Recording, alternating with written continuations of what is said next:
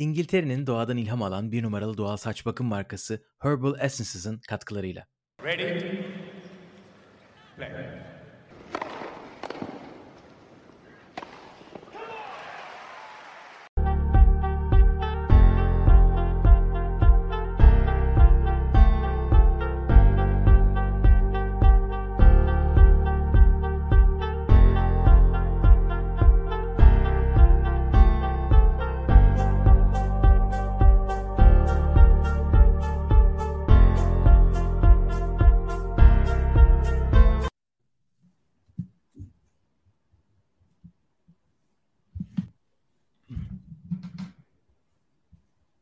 Merhabalar, Raket Servisi hoş geldiniz. Ben Gökalp. Ben Anıl, merhaba. Evet, az önce gördüğünüz üzere İngiltere'nin doğadan ilham alan bir numaralı doğal saç bakım markası Herbal Essences katkılarıyla yapıyoruz bugünkü bölümümüzü. Tekrar hoş geldiniz. Hoş geldiniz. Yoğun bir maç temposundan çıktık hepimiz. Benim bir de üstünde seyahatim vardı. Gökalp dedi İstanbul çok nemli, çok yoğun, sıcak bir hava var. Dedim ah özlemişim. Kanter içinde kalmayı. Direkt geldim. Klimanın önüne oturdum. evet gerçekten öyle. Ee, bu hafta İstanbul'da ilk defa e, kırmızı bir güneş gördüm hava durumunda. O kadar sıcak olacakmış. bu zamanı tercih ettiğin için de seni tebrik ediyorum. Evet işte bazı kararları hayatta kendimiz veremiyoruz. Yapacak bir şey yok. evet. Yay- e, yayına başlarken hemen kısaca hatırlatalım etkileşim olması için beğenirseniz e, yayını başka insanların da görme olasılığı olur. Daha kalabalık bir şekilde çeyrekleri tartışırız. Keyifli olur. Beğenip takip etmeyi unutmayın diyoruz. Evet konuşmaya başlayacağız tabii ki Wimbledon'a. Herkes tekrar hoş geldi ama Herbal Essence'a tekrar bir teşekkür edelim. Çünkü e, tenise destek veren markaları ekstra seviyoruz ve kendileri Wimbledon'la çok böyle bağdaşıyorlar şu anda. Renk olarak zaten. Aynen renk olarak e, İngiltere'denmiş. E, böyle e, doğadan falan tam çim yani. Tam e, oturduğu için. Ayrıca e, valla tebrik ediyoruz. Bizim bias'ımız, bizim yanlılığımız bir tarafa. Ama e, onlara da tekrar teşekkürler deyip Wimbledon'ın çimlerine doğru bir giriş yapalım. Bugün nasıldı sence çeyrek finaller? Evet, dün iki e, kadınlar çeyrek finali, iki erkekler çeyrek finali oynandı. Bugün de ikişer tane oynandı. Ee, güzeldi. Ee, böyle yüksek seri başlarının favorilerin oynaması bu seviye ya bu roundlarda olması çok iyi. Hani büyük sürprizler olmadı bence. Ee, en azından çeyrek finale kadar ki çeyrek finalde dünya bir numaraları vardı. Ee, erkekler kadınlar tarafında ilk dört artı geçen senenin e, finalisti. Erkekler tarafında da e, şu anda zaten 1, 2, 3 ve 8 yarı finale kaldılar. Tam istediğimiz e, gibi gidiyor bence. Sadece bazı maçlar tabii mesela bugünkü Halkaraz Rune maçını bir kenara bırakırsak ben iyi buldum çeyrek finalleri. Biraz tabii o maçta hikayesi bol olduğu için çok daha bambaşka bir eşleşme ve skor bekliyorduk. Biraz fazla net geçti. Ama bence de onun haricinde erkekler önceki turlara göre çok daha böyle hani kazananı belirsiz, seyir zevki yüksek, böyle heyecanı bol maçlardı. Tabii ki Rublev Djokovic maçını da konuşacağız. Orada Djokovic'in bir tuşa basma durumu var. E, o, oradan sonra biraz iş değişti ama e, kadınlar tarafında zaten hani geçen yayında da konuşmuştun. Eğlenceli ve heyecanlı geçiyordu.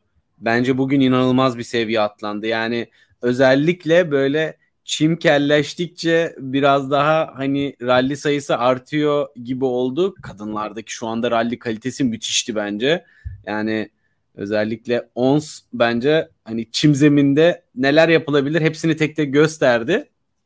Öyle olunca e, biraz orada seyir zevki kadınlarda iyice arttı diyebilirim. Evet. Maçlara girmeden önce şöyle e, bir breakpoint sorusu var. Netflix'teki evet. tenis belgeseli Breakpoint'in e, sezonunu ikiye bölmüşlerdi. İkinci kısmı Wimbledon'dan hemen önce yayınladılar. Beş bölüm olması lazım. İzleme şansınız oldu mu diye izledik. Ama nedense ilk beş bölümdeki heyecanı yakalayamadık böyle herkesin beklentisi. Evet cuma günü çıkıyor. E, çünkü orada bir çok heyecanlanıp bir e, değerlendirme bölümü kaydetmiştik. Ama bu sefer o heyecanla erişemediğimiz için ona ayrı bir bölüm düşünmedik ama izledik. Hatta geçen bölümlerde e, Jabber, Tomljanovic, Alcaraz'la alakalı Hafif böyle göndermeler yaptık. Aynen Breakpoint'te şunları gördük bunları gördük diye. E, Contavate zira e, bir sürü şey vardı, değişik nokta vardı. Belki tekrar göndermeler yaparak e, herhalde şey yapabiliriz. Ben son bölüm dışında ATP WTA finalleri bölümü dışında gayet beğendim. Son bölüm biraz zorlama gibiydi. Evet orada biraz sezonu nasıl kapatıyoruz diye böyle 4 slam artı ATP finalleri diye konuşulmuş ama onun yapısı gereği de biraz daha e, hani iki farklı zamanda iki farklı yerde yapılıyor. Yani o slam turnuvasının ortamının aurasının e, bölümlere etkisine göre daha azdı. Ama ben de genel olarak yani izlenebilirliği yüksek fakat bir anda tabii senin de dediğin gibi büyük bir wow olmadı. Fakat bence hani hikaye olarak güzel akıyor. Sadece hani daha az tenis takip edenlere bence hitap ediyor. Çünkü turnuvaların ana hikayeleri çok farklı yerlerde kalabiliyor takip ettikleri oyunculardan dolayı. E, o zaman hani ya, böyle kocaman bir olay vardı orada.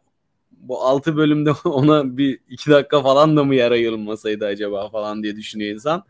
O yüzden hani hedef kitle biz miyiz onu hala da tam çözemedim açıkçası. Değiliz bence. Hani ilk başta da böyle konuşuyorduk ama hedef kitle olan insanlar varsa da onlardan da bilmiyorum güzel yorum geldi mi? Başından beri bunu merak edip soruyorduk. Ama mesela Serena bölümü iyi denk gelmiş. Serena Williams'ın evet. tenise vedasını iyi yakalayabilmişler. Oynadığı kişilerle çalıştıkları için hani o bölümü mesela tavsiye edebiliriz. Evet. Evet İyi. Muhammed demiş ki umarım bir gün Wimbledon'da Jabeur izleyebiliriz canlı. E, Jabeur bir misyon edinmiş bu sene. E, gerçekten de be, telefonunun arka planına Wimbledon e, şeyini o şiltini koyduğu kadar var. Kvitova'dan sonra e, geçen senenin şampiyonu Rybakina'yı da e, çok iyi bir maçta eledi. E, ama bugün erkeklerle başlayalım dedik. Çünkü daha yeni erkekler maçları bitti. O tarafı konuşup kadınlara geri geleceğiz. Evet, dört yarı finalistimiz daha önce de söylediğim gibi Carlos Alcaraz, Daniil Medvedev, Yannick Sinner ve Novak Djokovic oldu. Bundan iyi yarı final listesi çıkar mıydı emin değilim. Yani burada tabii biraz e, Medvedev'in gelişi çok beklenti alanımızda değildi. Onun dışındakiler daha fazla hakikaten böyle Siner'in belirsizliği sadece işte bir hastalanıyor, bir şeyler oluyor, bir gidiyor geliyor. O yüzden bir güvensizlik vardı. E, bu ana kadar zaten bence aralarında en rahat kura ile gelen Siner'di kağıt üstünde zaten baktığında. Hani ama bazen kağıt üstünde kolay görünüp daha böyle zor maçlar ve ters oyuncular özellikle çim zeminde olabiliyor bu. E, bu tarz şeylere de denk gelmedi bence. E, dolayısıyla e, onun yolu iyiydi. Aralarındaki en zor yollar hani baktığın zaman Carlitos ve Djokovic'in yollarıydı ama e, onlar da beklentinden beklenenden çok daha net geldiler. Djokovic'in kaybettiği setler olsa da hani bir şey var ya sadece böyle bir heyecan olsun diye mi set kaybetti? Rubliova da sonradan bambaşka bir seviyeye geçti anlamadım. E, Hurkaç maçı tabii çok daha e, değişik bir maçtı. O zaten konuşmuştuk. O servisleri çözümleme ama şundan Hurkaç maçına geri değiniyorum.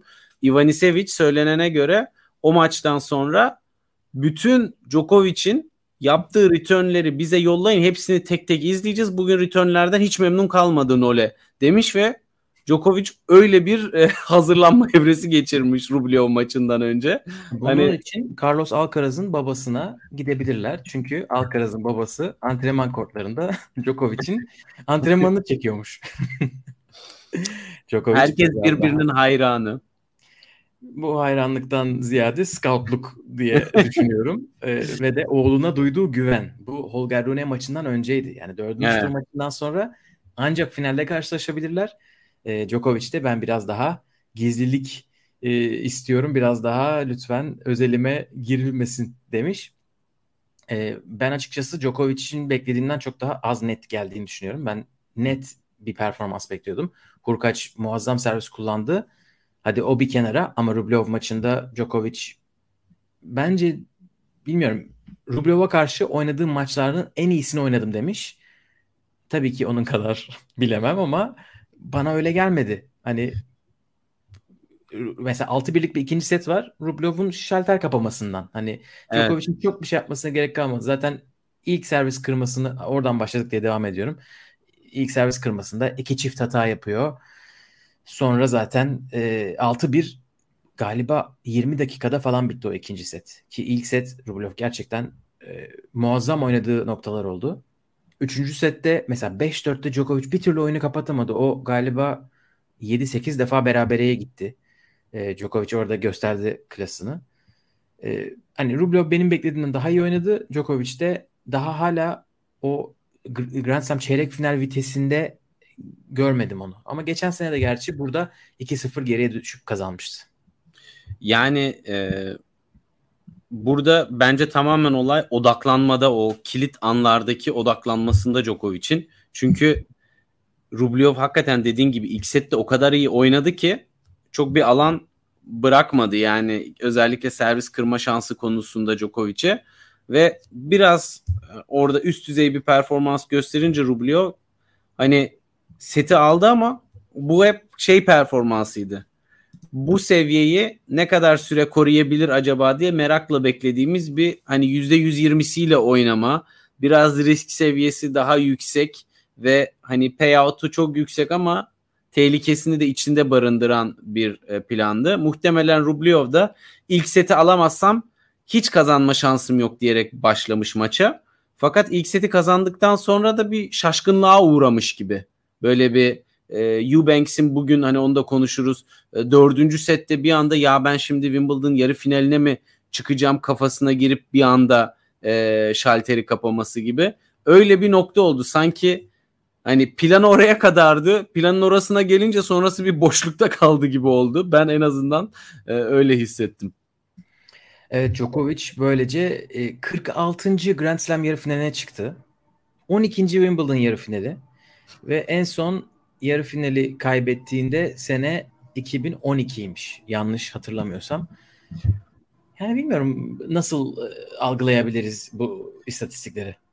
Ya ben şöyle düşünüyorum artık bir tane Djokovic rekorları diye muhtemelen 2 saat falan sürecek e, rekorların sayısından dolayı bir bölüm çekip hani onu böyle hep aralara serpiştirelim ve say- sadece üstünde sesle sayıları e, güncelleyelim. Çünkü artık çok anormal bir seviyeye geldi. Yani e, diğer çeyrek finalistlerin hepsini topluyorsun kadınlar erkekler.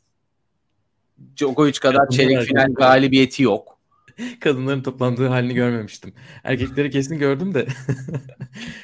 Ama şaşırmazsınız tabii ki. Yani, yani. inanılmaz rekorlardan rekorlara koşturuyor. Ee, ve de e, yani gençler bizi geçmeye çalışıyorlar ama bunun şu anda oluru yok dedi kort röportajında. It ain't happening dedi böyle. Güzel sonra da kendine girdi orada bir bütün kort koptu. Ama bu gerçekten böyle. Basın toplantısında da soruyorlar. Kendinizi favori olarak görüyor musunuz diye. Bu soruyu sorarken gazeteci acaba kendini böyle zorlamış mıdır? Yani büyük ihtimalle evrendeki herkes favori olarak görüyor. Yani. Son 4 Wimbledon'ı kazandı. 7. 8. şampiyonluğuna gidiyor. Tabii ki yani buradaki hepsinin ilk Wimbledon yarı finali. Onun dışındaki e, oyuncuların. Onun için bir zahmet o da kendini favori görsün. O da böyle kibirli e, gibi gözükmek istemem ama favori olduğumu düşünüyorum dedi. Hani böyle zorla efendi efendi söyledi. Biraz böyle şey kafası. Allah'ın bildiğini kuldan niye saklayayım artık yani ne diyeyim. Hani herkes aynı şeyi konuşuyor. Aynen. Ee, ama tabii burada e, özellikle yarı final ve finaldeki eşleşmelerde e, çok daha istemeyeceği oyuncu profilleriyle karşı karşıya kalabilir. Özellikle Siner burada ondan daha önceden iki set kazanmış olduğu için herhalde e, Djokovic'e karşı bu turnuvada final dahil en özgüvenli çıkacak olan rakip olacaktır bu noktada. Çünkü yani Daniel Medvedev finale çıksa bile e, Çin'deki performansıyla hani Djokovic'i mental olarak çok fazla zorlama şansını ben yüksek görmüyorum. Carlitos başka bir konu. seni Yannick Sinner'in basın toplantısını izlemeye davet ediyorum. İzledikten sonra benim umud, umudum böyle te, şeyim kalmadı. Hani o kadar tereddütlü, o kadar böyle düşünceli gözüküyor ki böyle gözlerine karalar inmiş gibi. O kadar olmasa da tamam abartmayayım. Ama böyle Holger Rune şeyi görmedim onda. Holger Rune de gerçi bu arada öyle söyledi. Bugün nasıl maç oynadı? Holger evet. Şey demişti Alcaraz'a karşı. Alcaraz'ın maçının gelmesini bekliyordum. Turnuvanın başından beri. Öyle bir şey söylemiş. Hani bu maçtan korkmuyorum. Bu maçın olmasını istiyordum gibi bir şey demiş. Yannick Sinner'ın tam tersi bir e, minvalde. İşte diyor ki evet Djokovic tabii ki zor bir test olacak. Geçen seneden bazı şeyler öğrendim falan gibi bir şey söylüyor. Ama onun da ilk Grand Slam yarı finali tabii ki çok büyük başarı. Sonunda o da yarı final görmeyi başardı. 4-5 çeyrek finali vardı. E, Djokovic ile en son burada oynamışlar. Orada da zaten 2-0 öne geçip sonra da e, Djokovic değişik viteslere e, çıkarmıştı maçı. E, o Roman Safiulin'i geçti. İlk ana tablosunda çeyrek finale yükselen Rus ismi geçti. Bir de set kaybetti ama e, 6-2-6-2'lik net setlerle kapadı maçı ve de yarı finale yükseldi. E, geçen bir Twitter'a şey yazmıştım. Bir e, Grand Slam'de şunlar olduğu zaman işte drinking game yapalım. şunlar olduğu zaman bir şey içilebilir diye. İşte Djokovic'in servisi gerektiğinden az övüldüğünü söyle, söyleyen birisi çıkarsa işte Ben Rothenberg 3 setlik maçlara dönülsün derse birisi şey diye cevap yazmış. Yannick Sinner'in e, kayaktan gelmesinin ne kadar ona sağ, sağladığı şeyler avantajlar sağladı. Bunu bol bol söylediler Safiolin maçında. Çünkü Sinner de çimde sakatlanmadan kaymayı başarabilen insanlardan biri. Evet gerçekten bu turnuva kayanların sayısı biraz fazla e, arttı gibi. Özellikle hani sakatlanmadan düşmeden e, kayanların sayısı sanki bu konuda çimde de bir değişiklik var gibi. Iga'nın da bugün videosu bir e, düştü zaten. Şey gibi. E, neydi şu e, biatlon muydu? Yok değildi. Şu e, curling. Curling yapar gibi gidiyor maşallah.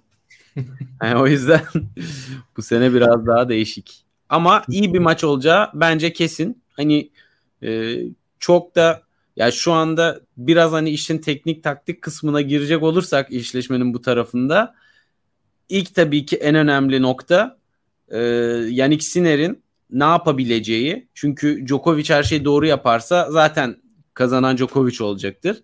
Ama Yannick Sinner ne yapabilir sorusuna bence en kilit nokta Djokovic'in ikinci servislerine kuracağı baskı. Çünkü Djokovic'in ikinci servisleri Hurkaç karşısında et, yani ortalama servislerle çok iyi puanlar çıkardı. Siner bunları cezalandırırsa Djokovic'in birinci servisine olan baskı artacak ve ikinci servisin risk oranı artacak. Dolayısıyla o servis kırmayı nasıl başarabilir sorusuna bence kilit nokta orası. Ee, ama onun haricinde rally oyununda bence çok her şey açık.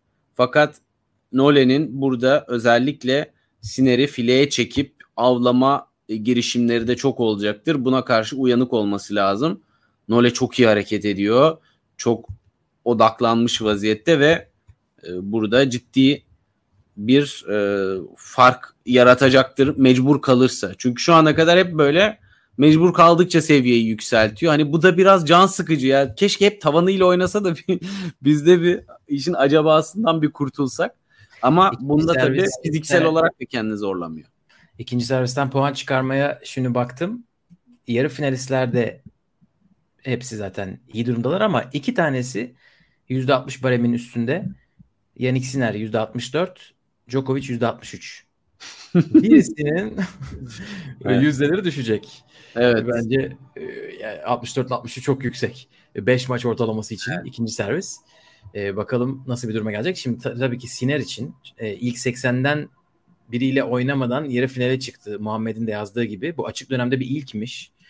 E, bu tabii ki yani Sinner'in suçu değil ama Sinner için bir dezavantaj olabilir mi? Sen de söylemiştin bunu geçen bölümde. Djokovic yani ilk 80'de olmayan birisinden arşa çıkmak hani oraya birden yükselmek o e, adaptasyonu sağlayabilecek misinler? Tabii. Oksijensiz kalabilir bir anda böyle rakım ani bir değişince e, bu zaten her zaman konuştuğumuz şeylerden birisi. Hakikaten zorlanmadan gelince bir anda o seviyeyi atlatmak e, mental olarak zor olabiliyor. E, iyi tarafı yıpranmadan geliyorsun fiziksel olarak. E, hani artısı da var, eksisi de var. Çünkü uzun maçlarda oyuncular ben hala mesela Eubanks bugün fiziksel olarak kaybetmedi maçı, mental olarak kaybetti. E, benim için bu bir sürprizdi açıkçası ama müthiş bir atlet. Yani tenisçiden önce atlet bence. Zaten çok ince ve e, bir hızlı ve atik bir yapısı var. Dolayısıyla muhtemelen kort hareketlerinde vücudu o kadar az zorlanıyor ki fiziksel olarak tenis sporu onun yapısı için çok yıpratıcı bir şey değil. Zaten oyun tarzı da e, winner ağırlıklı, kısa ralli ağırlıklı. Hani oynadığı tenis de. Hı-hı. Yalnız 2-0 birlik bir adamdan bahsediyoruz. Oraya geçmeden evet. önce Siner Djokovic'i bir bitirelim mi? Evet. Var mı bir sürpriz bekliyor musun? Siner set alır, iki set alır, geçen sene gibi bir heyecan olur diye. Bana açıkçası Djokovic 3 sette alacakmış gibi geliyor.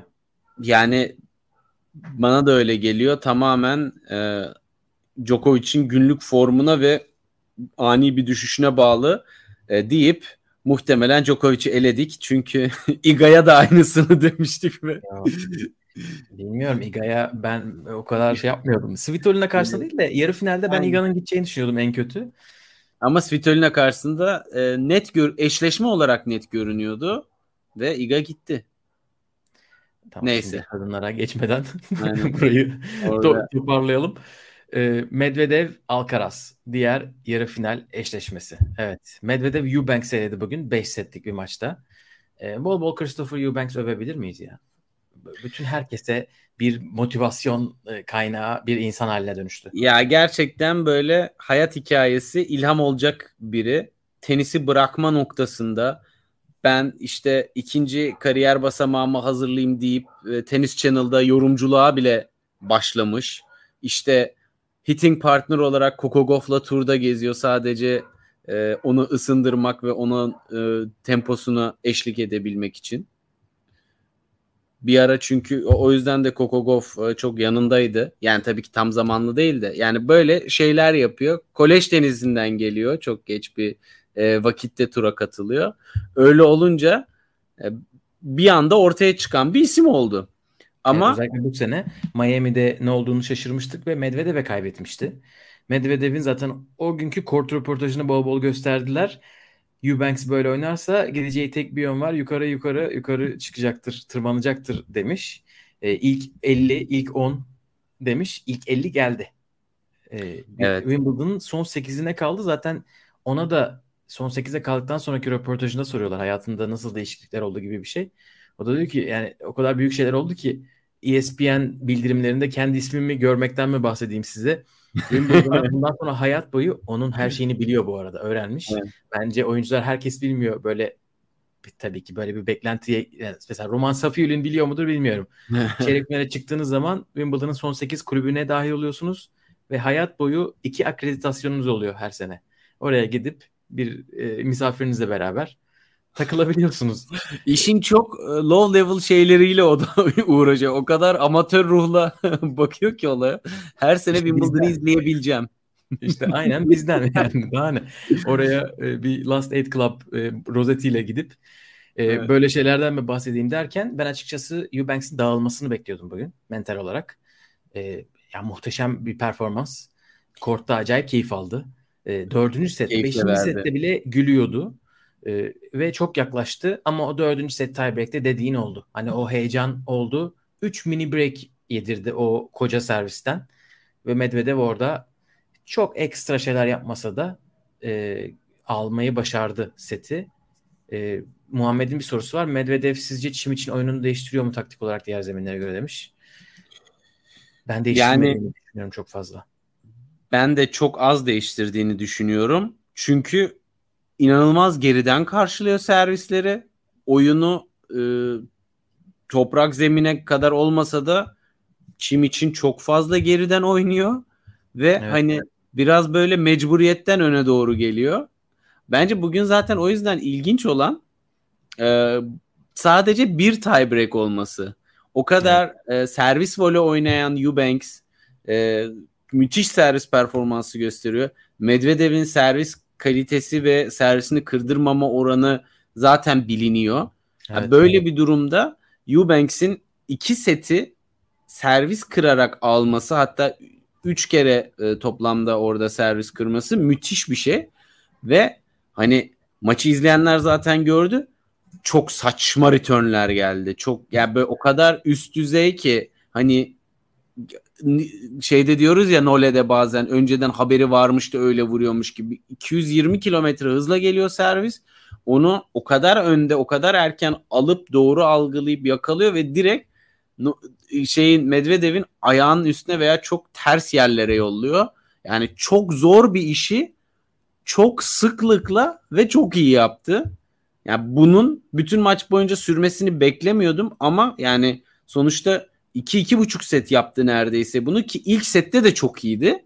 Fakat ilk sette o erken break ve biraz o maça başlamanın konsantrasyon azlığı orada evet. gelen çift hata. hata İki, çift hata yaptı 30-30'da direkt oyunu verdi. Bir daha bir daha oradan toparlayamadı. Toparladığını düşünsene 3-0 maç mı gidiyormuş mesela? Evet. Değil mi?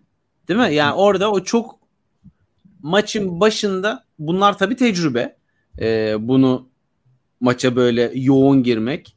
Ee, mesela işte Rublev onu aslında Djokovic'e karşı yaptı. Yoğun olarak girebildi. Devamını getiremedi. Acayip evet. bir şeydi bence.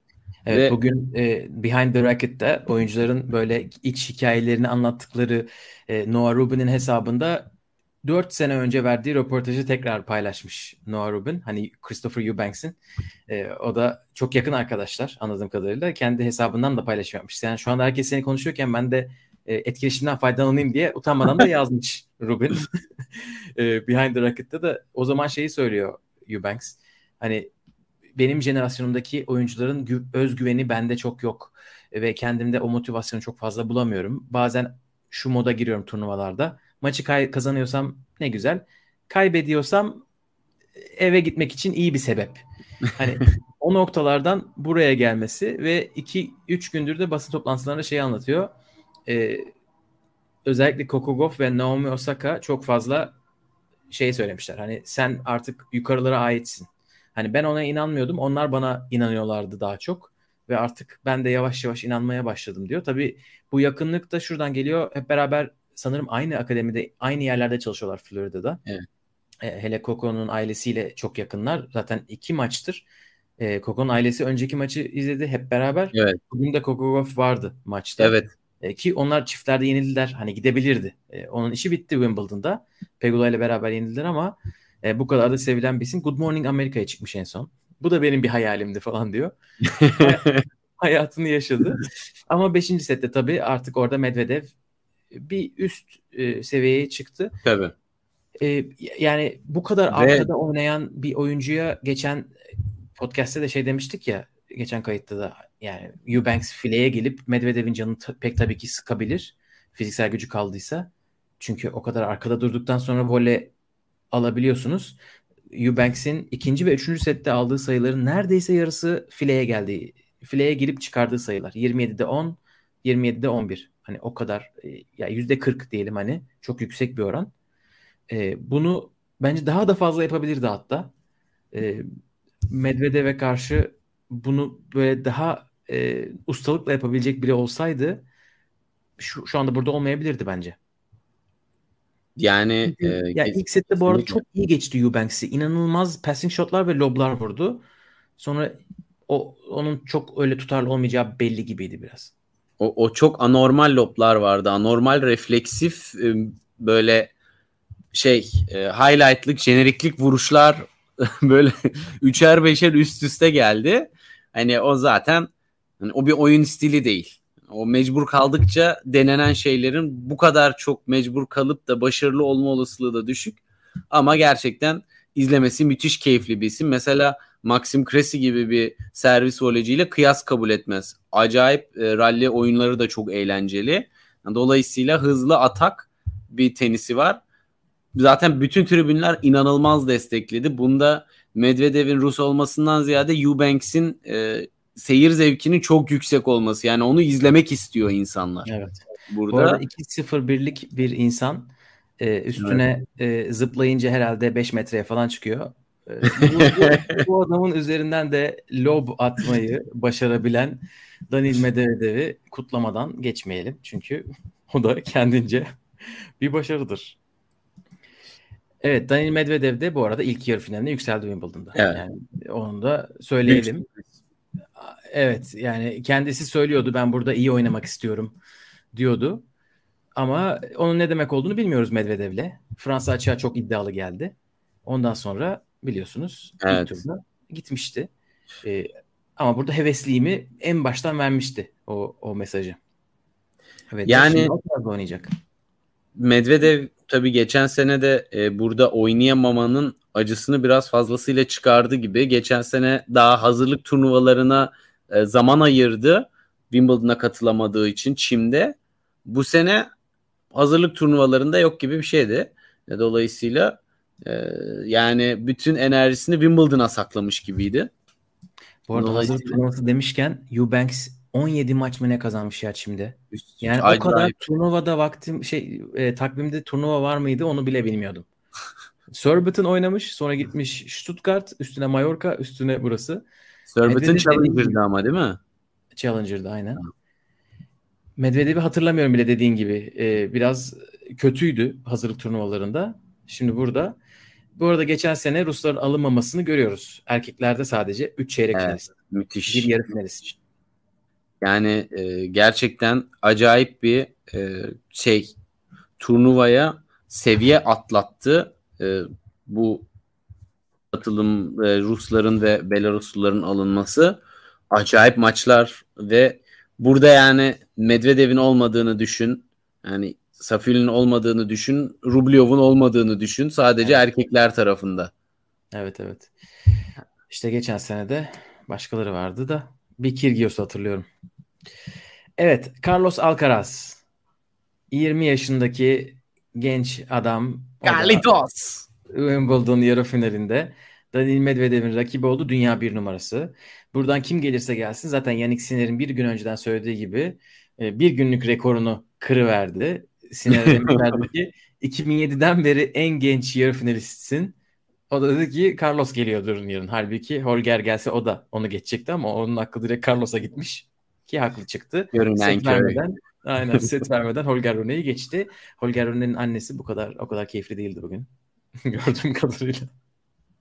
İşte e, biraz fazla hırs e, farklı tepkilere sebep verebiliyor. Ya ben açıkçası çok da şaşırmadım. Şundan şaşırmadım. Ee, hani bir önceki yayında da konuştuğumuz gibi Rune, Rune'yi buraya getiren özellikle düşük e, level takıldığı dönemlerde servisiyle maçın içinde kalmayı devamlı başarabilmesiydi. E, bugün ama Carlitos öyle bir alan bırakmadı ve servislerine çok yoğun baskı kurdu. Dolayısıyla Rune maçtan hafif kopuş yaşadığı anda e, böyle bu bir sayı iki sayı bile olsa Carlitos her zaman hazırdı. O yüzden de orada özellikle ikinci ve üçüncü sette yani 6-4 6-4 görünse de skor hani bence çok netti setlerin Alcaraz'a gideceğini. Çünkü Alcaraz servisinde hiç sallanmadı. Ee, ve çok fazla kolay sayı elde etti kendi servisinde. Ben mesela bunun da Alcaraz'ın çim, çimde servisini daha akıllıca atmaya başladığından da e, kaynaklandığını düşünüyorum. Ama biraz da Rune'nin eksi hanesine de yazdım bunu. Zira karşıda daha iyi return yapan biri olsa Alcaraz için bu maç çok çok stresli olurdu. E, çünkü yani fazla bence benim beklentime göre biraz fazla kolay sayı buldu kendi servisinde ve farkı o oluşturdu. Yani Rune'ye ben bu maça bir girsem bir çevirebilirim diye bir düşünce ve inanç hiçbir yerde olmadı. Ki Rune bu maça gelmeden önce bir önceki maçta e, nasıl kazandığını açıkladığında Novak Djokovic gibiydim. Çok odaklandım. Sadece andaydım ve sadece topu görüyordum ve ona göre hareket ediyordum ve müthiş bir şekilde her şey içeri düşmeye, çok iyi vurmaya filan başladı. Bugün e, tabii bunun bunu yapabilmenin belli bir seviyede ne kadar da rakibe bağlı olan bir şey olduğunu da e, görmüş olduk. O anda kalmakta bugün biraz zorlandı gibi. Evet e, yani benim beklediğimin çok altında bir maçtı. Ben 3 sette kazanmasını beklemiyordum Alcaraz'ın. Çünkü Rune işte çok hevesli konuşuyor. Önceki maçlardan neler yapabildiğini görüyoruz. Bence çok güzel hareket etti içimde e, turnuvanın başından beri. E, ama ikinci set 4-4'te bir tane smaçı fileye taktıktan sonra bilmiyorum kafamı dağıldı. Ama son sette fiziksel olarak yoktu Rune. Ben dedim herhalde kramp falan mı geliyor? Eski Rune'den şeyler mi görüyoruz? Şu anda e, basın toplantısında evet onu söylemiş. Hani bugün iyi uyanmadım, ısınmamda da hmm. iyi hissetmedim. E, Carlos çok iyi oynadı ama hani ben de daha iyi oynayabilirdim gibi bir şey söylemiş.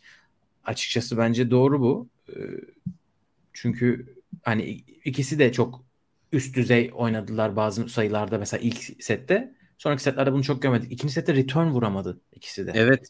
Bunu ne kadarı servisten kaynaklanıyor çok emin değilim açıkçası. Ee, Katılıyorum. Değişik servisler atıyorlar tabii ki ama bir işte hurkaç değillerdi. Ee, Hurkaç yani, bu turnuvada bambaşka bir seviye bir servis performansıydı. Biraz daha rally oynayabilse zaten direkt kupayı alabilirdi. Evet. Öyle bir servis performansıydı. Yani Olga Rune içinde tabii Zverev gibi biraz durum var ama Zverev o zaman kariyerinin başlarında Grand Slam ilk haftasında çok fazla 4-5 setlik maçlar oynadığında sonra biz onu şey görmüyorduk böyle bitmiş halde gördüğümüzü hatırlamıyorum. Sadece kaybediyordu. Ee, hani biraz o durum var. Gerçekten ilk ilk haftanın tasarrufunu herhalde daha fazla yapması gerekecek Rune'nin. Ee, işte Davidovic'e karşı onun 8-8'de underarm atmasını beklemeden daha erken bitirmeye çalışacak. Ee, yoksa buralarda çıkıyor. Çünkü şey demiş ilk seti kim kazansa zaten oraya gidecekti. Bunu fiziğine güvenmeyen bir oyuncu der genelde. Ee, Değil tabii mi? ki ilk seti kazanma tabii ki önemlidir de. Ama sen orada kafanda bir şeyi kapattıysan Alcaraz da bilmiyorum öyle mi düşünüyordu. Çünkü ilk setten sonra çılgınlarca Vamos diye bağırdı. Sonra alkış bittikten sonra Ferrero'nun duyduğuna emin olmak için bir daha iki defa Vamos dedi. Bütün alkış bitti. Üstüne bir daha bağırdı. Yani şey, gerçekten bu kramp olayı biraz sorgulaması gereken bir şey de aynı zamanda. Ya kramp ya ben ol, olmadı gördüğüm kadarıyla. Sadece seviyesi çok düştü bence fiziksel olarak. Biraz Muhammed e, bu arada y- ağzından bal damlıyor. Evet. Bugün, bugün tam aynı şeyi düşündüm. Bu turnuva anladım ki Muratoğlu olmadan slamler daha güzel demiş. Gerçekten. Ki o kadar bugün, da logo vardı. Ama Muratoğlu'nun e, Instagram'ındaki bir e, postu gördüm. İşte bir hanımefendiye vuruş gösteriyor. Dedim ki ne güzel. Herkes sevdiği işi yapsın. Biz de her yerde işte e, Koko'nun maçında, Sisipas'ın maçında e, onu görmesek güzel oluyormuş böyle. Bir de şey çok ilginç geliyor bana açıkçası. Yani koçla konuşmanın daha serbest olduğu bir ortamda olmaması. Hani e, biliyorsun. asıl koçu buradaydı. Lars Christensen buradaydı ve o adamla alakalı kovuldu mu diye çok fazla e, soru, soru işareti. Cevap, aynen soru işareti vardı. Annesi çıkıp yok hayır o kovulmadı falan demişti. Çünkü son bir ay, bir buçuk ay falan yoktu o adam. Asıl 8-9 yaşından beri çalıştığı antrenörü. Şimdi onu gördük. Burada. Yani zamanında Serena ile Serena Williams'la Muratoğlu'nun yaşadığı coaching vakası finaldeki bu olay serbest kalmalı deyip deyip sonra serbest alınca ortadan kaybolması da biraz ironi gibime geliyor. Çok güzel bir nokta. Evet, e, Carlos Alcaraz Daniil Medvedev ile oynayacak. İki maç yapmışlar. Biri iki sene önce burada. Medvedev 3 sette kazanmış. Diğeri Indian Wells finali bu sene. Onu da Alcaraz kazandı. Biraz Biri. izleyicilere soralım bence burada. E, finalist tahminlerini de. Evet. Pa- yani kim çıkar buradan finale? Alcaraz, Medvedev çok konuştuk. Siz de ne düşünüyorsunuz? Ee, yani ben şimdi cevap vermeden önce tabii çok etkilemek istemiyorum cevapları ama e, bir tane ilk Wimbledon finaline çıkacak insan olacak. Çünkü ikisi, ikisi de ilk yarı finali. Tabii ki burada. Evet. Anıl Kutlu 3-1 Alcaraz demiş. Muhammed de Alcaraz Djokovic finali yazdı. Ha, Berkay Mehmet Berkay Çelik Medvedev Djokovic demiş. İddialı. Medvedev Djokovic finali. Tufan da aynısını düşünüyor. Ben Alcaraz'ın çıkacağını düşünüyorum. Ben de açıkçası Alcaraz'ın çıkmasını bekliyorum.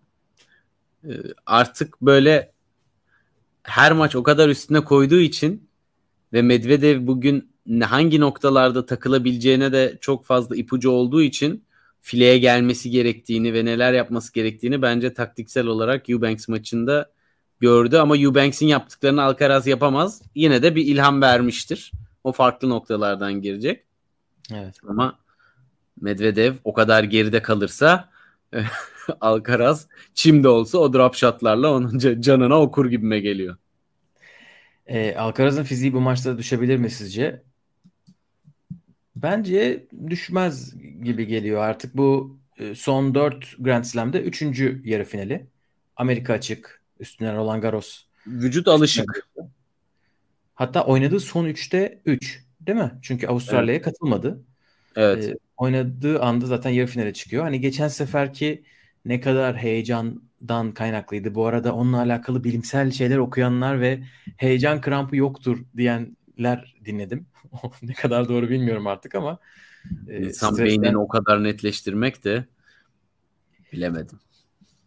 Evet onlar da onu söylüyorlar bu arada. Hani stres tetikli e, şey olduğunu, kas e, rahatsızlığı olduğunu nereden biliyorsunuz hani beyni bu kadar neyse oralara çok girmeyelim ama onun varsa da Medvedev'e karşı yaşayacağını sanmıyorum o stresi. Olursa belki finalde gibi geliyor.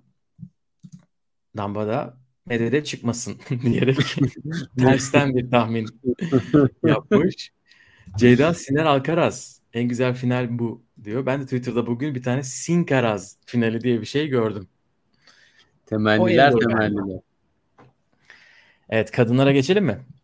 Evet kadınlara geçmeden önce e, yine takip edip beğeni butonuna basmayı unutmayın diyerekten araya ben de kendi reklamımızı gireyim.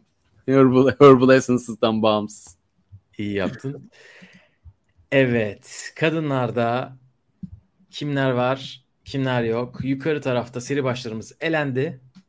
Elina Svitolina Świątek'i eledi. Marketa Vondroshova da Jessica Pegula'yı eledi. Ve yarı finale çıktılar. Aşağı tarafta da müthiş bir Jabeur Sabalenka maçı bizi bekliyor. Ne taraftan başlamak istersin? Yukarıdan mı aşağıdan mı? Bugünden başlayalım. Hazır e, tazeyken e, maç maçlar. Yani Ons Jabeur Ribakina maçı tam finallik bir maç oldu bence ya. Ya finalde o maçı izlesen ben tamamım dersin. Jabeur nasıl bir kuradan geliyor? Kvitova sonra Rybakina'yı da geçti. Şimdi Sabalenka. Yani tek şansı son sette Rybakina'nın artık omzunda mı bir şey oldu bilmiyorum. O efsane servisler biraz e, saçmalamaya başladı. Rybakina seviyesi için ama yani o birinci setten sonra geri gelmeyi başarması ki orada çok fazla oyuncu ya kopar, kopar hani böyle 7-6 6 birlik böyle çok fazla maç olur ya oraya giden bir e, maç olacak bir psikolojide Ons gibi konsantrasyonu gidip gelen bir isim tam tersi bir reaksiyon gösterdi. Hani bu turnuvada sanırım ikinci kez söylüyorum bunu. Ons'un bu konsantrasyonunu korumayı başarması bence önceki turnuvalara göre en büyük fark oyunundaki. Ve evet. zaten Çim'i seviyor.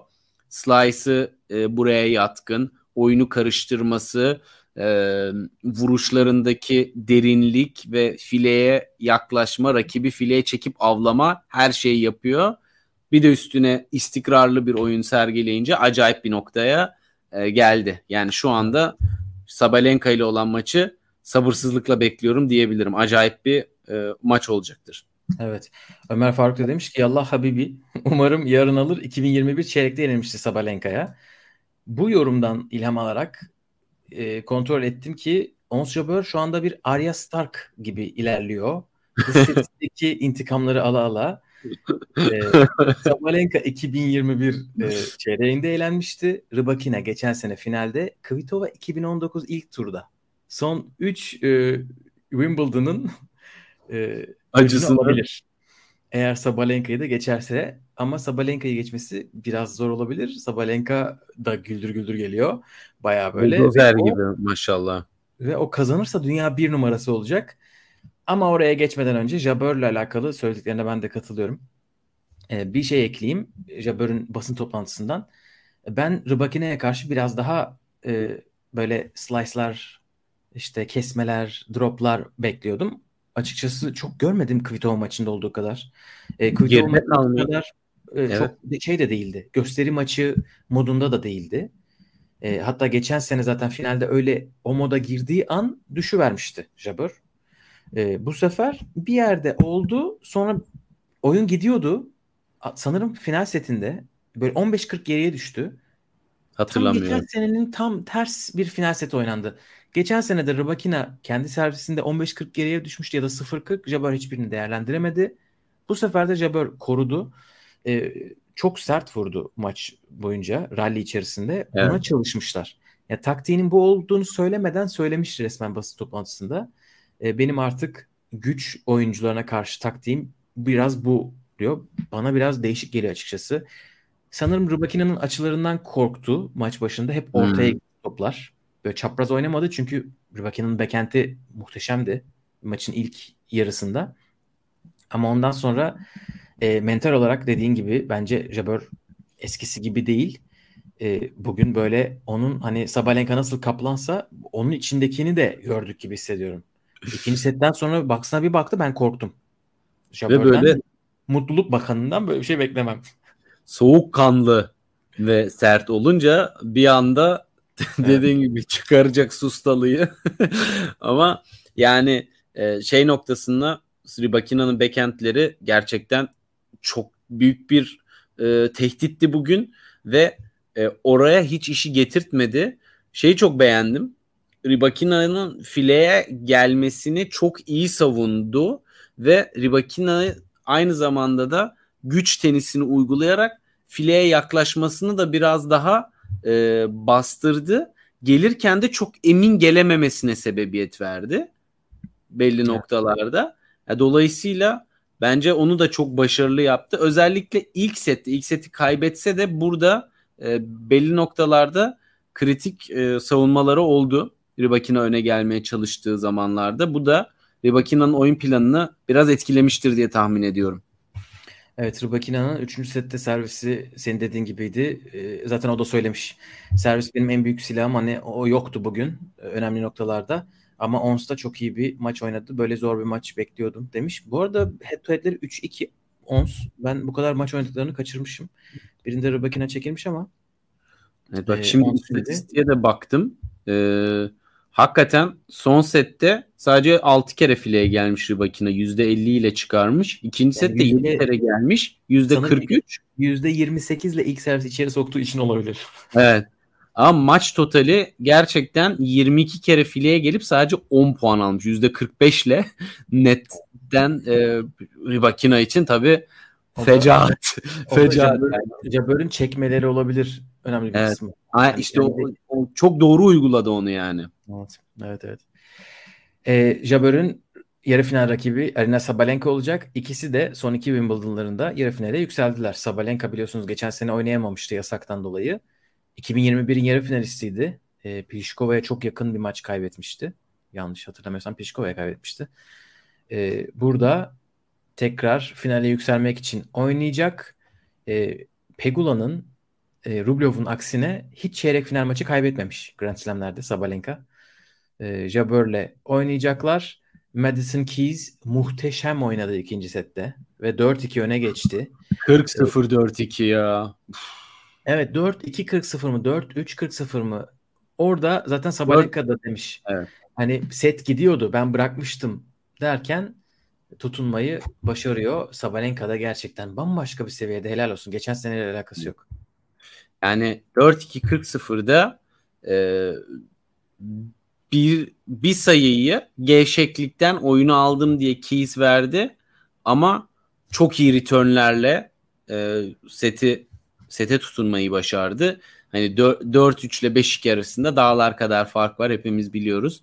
E, Sabalenka'nın bence burada tekrar yarı finale çıkması e, onun için bir açıdan daha anlamlı hani ilk yarı finalini slam seviyesinde 2021'de burada yaşamıştı. Hani o bir çeyrekten yukarıyı o bir aşamayı geçme onu kırmayı mental olarak burada başardığı için e, bence burada kendini genel olarak daha iyi hissediyor diğer turnuvalara göre. Hani hep o özgüvenle hani ilk burada başardım bu seviyeye gelmeyi diye. E, dolayısıyla yarı finalde de bunun rahatlığıyla yani ilk yarı finali de değil buradaki. Dolayısıyla çok e, farklı bir bakış açısıyla buraya yaklaşacaktır. Evet, Ama bir sürpriz olmayacak. Efendim? Böyle büyük bir sürpriz olmayacak hissiyat olarak. Burada yarı finalde Evet. oynadı. Tek ekstra e, şey baskı dünya bir numarası. Ağzı buz bir şey de değil. Bu maçı kazanırsa şampiyon olmasına gerek Evet. kalmadan dünya bir numarasını ele geçiriyor. Şiviyontek 66 haftadır dünya bir numarası. Bu arada Tufan güzel bir hatırlatma yaptı. Breakpoint belgeselinde son bölümde 2023 benim yılım olacak diyordu Sabalenka. Ee, gerçekten de burayı da alırsa onda dediği gibi iki Grand Slam kazanmış olacak Avustralya ve burası ve Fransa'da ucundan döndü finalin. Nerelerden kaybetti o maçı. Ee, müthiş bir Grand Slam sezonu geçiriyor şimdiye kadar. Bu maçta ben Sabalenka'nın en büyük e, tehlikesinin yani maçı kazanmasının önündeki en büyük engelin baseline'a yapışık oynaması, agresif oyunu az tutması yani agresif derken tabii vuruşları 700 kilometre hızla gidiyor ama fileye gelme e, hızındaki o tereddüdü biraz Ons gibi bir oyuncu profilinde e, zorluk çıkarabilir. Yani öne gelmek zorunda kalacak ve öne özgüvensiz gelirse e, bu kritik anlarda ona büyük ceza olarak gelebilir. Çünkü e, Ons'un slice'larla fileye çektiği toplar sonrası yaptıklarını hani bütün turnuva boyunca üst düzey isimlere karşı izledik. Dolayısıyla işin taktiksel tarafında bence kilit nokta biraz da o olacak. Eğer ki Ons aynı bu konsantrasyon kaybını yaşamadan devam ederse ve ikisi de Evet. e, turnuvanın burasına gelene kadar ki e, oyunlarını korurlarsa. Ben ama Evet. Ons'u hakikaten bir tık avantajlı görüyorum. Hem senin dediğin mental avantajdan dolayı e, hani o bir numara baskısı kolay bir baskı değil. E. Hem de e, oyun stili olarak Ons'un yaratacağı çözümlerin daha fazla olabileceğini. Ee, şu anda head to head'lerine baktım. Çok anlamlı olmayabilir tabii ki Wimbledon başka bir yer ama e, 4 maç yapmışlar. Üçünü, son üçünü hatta Sabalenka kazanmış. E, Jabber'ın kazandığı tek maç Roland Garros'ta. E, buradaki maçlarını söylemiştik zaten. Sabalenka kazanmıştı iki sene önce. 6-4, 6-3 çeyrek finalde. Ons Jabber'ın aklında o maçta vardır bence. E, Kesinlikle. arada geçen seneki finali izleyip izlemediğini soruyorlar. E, acı çekiyorum, izleyemiyorum, onu asla izlemiyorum demiş. Netflix bölümünü bile zor izledim diyor. Hani böyle e, koçumdan rica ettim bazı sayıları gösterdi bana geçen seneki Rybakina maçından demiş. E, Sabalenka maçını bakalım izleyebilir herhalde iki sene geçmiş üstünden. E, bana %51 Sabalenka gibi geliyor ama Ons'un almasını istiyorum. Ons bugün bu arada iki, bugün de Kvitova maçında da çok iyi servis attı. O da farkında, o da söylemiş bunu. Hani kritik yerlerde iyi servis attım diye. Ace'ler falan uçuştu. E, Rybakina'dan beklediğimiz ace'ler ondan geldi son sette. Hani onun da olması lazım. Bir sürü şeyin olması lazım gibi geliyor. E, çok güzel maç olacak o kesin. Evet. Deyip Yukarı tarafa geçelim. geçmeden şunu da ekleyeyim. Burada e, biz şimdi yukarı tarafı konuşurken siz de acaba e, şampiyon e, final tahminlerini bir alalım. Biz final tahminimizi yapmadan önce biz de o sırada bir yukarıyı konuşalım. Merak ediyorum. Siz ne düşünüyorsunuz? Evet, turnuvanın hikayesi Svitolina. E, Efsaneler yazmaya devam ediyor. Muazzam bir kuradan geldi. Venüs üstüne Mertens ki Mertens'in ikinci turlarda mağlubiyeti yoktu bu şeye kadar. e, bu turnuvaya kadar. Onun üstüne Kenin, onun üstüne Azarenka ve şimdi dünya bir numarası Iga Świątek'i eledi. E, Harry Styles konserinin üstünden 4 gün falan geçti. Biletini kaçırdı. E, tenis podcast'te en son diyorlardı ki konseri bırakın Harry Styles finale gelsin diyorlardı. Hani o kadar. Bütün stadyumla beraber. Aynen. İngiliz halkı zaten Ukraynalılara karşı çok yüksek. Ee, inanılmaz bir hikaye. Ukrayna'daki savaş ve onun e, Svitolina'ya getirdikleri yetmiyormuş gibi bir de geçen Ekim doğum yaptı bu kadın. Nisan'da döndü. 9 ay önce. 9 ay. Mayıs'ta WTA kazandı. Strasbourg'u kazandı. Roland Garros'ta çeyrek final ve burada yarı final. İnanılmaz. Şey. Yani e, muazzam bir şey. Hani geçen bölümde konuştuk. Forend'indeki o gelişimin yeni koçuyla beraber onun oyuncu profili olarak ne kadar bambaşka bir noktaya e, geldiğini bu vesileyle. E, bunu tabii Iga karşısında böylesine yapabilmesi beni şaşırttı açıkçası. Bu kadarını beklemiyordum. Evet, Çünkü iki rakibi de Azarenka'da, Świątek'te e, Svitolina'nın oyunu ve duruşuyla alakalı şey demişler. Çok böyle rahatça, özgürce oynuyor. Eski eskiye kıyasla. Hani çok kendinden kararlı ama en önemlisi böyle free on the court demiş ikisi de. Çok rahat oynuyor demişler. Ve e, kendisi de şey demiş yani savaşın onu çok etkilediğini ve bazı şeyleri daha rahat yani court'taki Svitolina karakter olarak çok aşırı hırslı bir insan. Hatta eşi Monfils de bundan biraz dem vurmuştu e, zamanında. Onun ne kadar bambaşka bir tenise bakış açısı olduğunu hırs konusunda. E, muhtemelen hem anne olmak hem de savaş psikolojisi korttakileri çok daha kendi içinde değerlendirip daha soğukkanlı ve hani tenisi tenis olarak görmeyi başarmanın e, onun da oyununa kadar olumlu e, yansıdığını da e, evet. biraz bahsetti. Bundan dolayı yine dönüp dolaşıp tenisin sadece fiziksel değil üst düzey mental bir spor olduğunu gördüğümüz yeni bir örnek daha diyebiliriz. Ama fiziksel tarafı da nasıl beceriyor ben bilmiyorum. Çünkü evet. e, ben ikinci sette Świątek 7-6 ile aldığı zaman hadi tamam dedim herhalde bu bench maçına benzeyecek biraz. Böyle yakın bir seti Świątek kazanacak. Bunu söylememin sebebi Svitolina'nın artık bit şey, bitmiş olacağını düşünüyorum. Bir önceki maçı son set 7-6 Azarenka'ya karşı fiziksel olarak çok zorlayıcı bir maç. Ee, ondan önceki maçları uzun sürmedi. Bir tek Mertens maçı 3 set ama setler 6-1'di. Hani rahat rahat gitti ama yani e, iki haftalık uzun bir süreçten bahsediyoruz ki Svito'nun önceki hazırlık turnuvalarında düşünecek olursak fiziksel olarak da çok iyi gözüktüğünü söylemiştik. Onu gerçekten yaşatıyor da e, bütün herkese. Bütün bu teknik şeylerin üstüne bir de şey de ekleyelim. Raketini ve tellerini değiştirmiş geri dönüşünde. Bunların da etkisi var demek ki e, söylediğine göre. Şiviyontek tarafından bakacak olursak Şiviyontek tabii ilk çeyrek finalini görmüş olduğu Wimbledon'da ama ya, Çim'de hala çok emin değiliz diyorduk. E, bence çok büyük değişiklikler yoktu geçen seneye göre. E, forehand hele 20'nin üstünde basit hata bu maçta. E, bilmiyorum taktik olarak da çok farklı bir şey görmedim ben. Zaten çatı kapanırken e, takımıyla konuşmuş. Hem koçla hem Darya'yla hem fizyosuyla. Hani dışarıdan bir gözün bana neler olduğunu söylemesine ihtiyacım vardı. Çünkü ben saptayamadım neyi değiştirmem gerektiğine gibi bir şey diyor. Bazen diyor bir sebep olmaz da birden çok sebep olur diyor. Anladığım kadarıyla sebebi bulamamışlar. Ya da orada çözülecek bir sebep değildi gibi tahmin ediyorum. Yani burada ben gerçekten hani Svitolina'nın e, bir tık daha Vondrushova'ya karşı avantajlı olduğunu düşünüyorum her şeyi böyle değerlendirince içinde ama çok da Vondrushova'nın nasıl bir oyunla Svitolina'nın karşısına çıkacağını da hissedemiyorum. Çok can sıkıcı. Sürekli onu fileye çeken, sürekli drop vuran Pegula delirmiş. Pegula bildiğin delirmiş. Yani basın toplantısında haklıdır da. Çünkü e, artık kafayı yedim noktasındaydı. E, son set Pegula 4-1 önde. Vondroshova 30-40. Yani 5-1 sayısı varmış Pegula'nın rutin bir backhand kaçırıyor. Oradan da maçı kaybettiği için de biraz kafayı şey yapmış olabilir. 3-1'de onların maçında son sette 3-1'de çatı kapanıyor. E, Vondroshova gerideyken.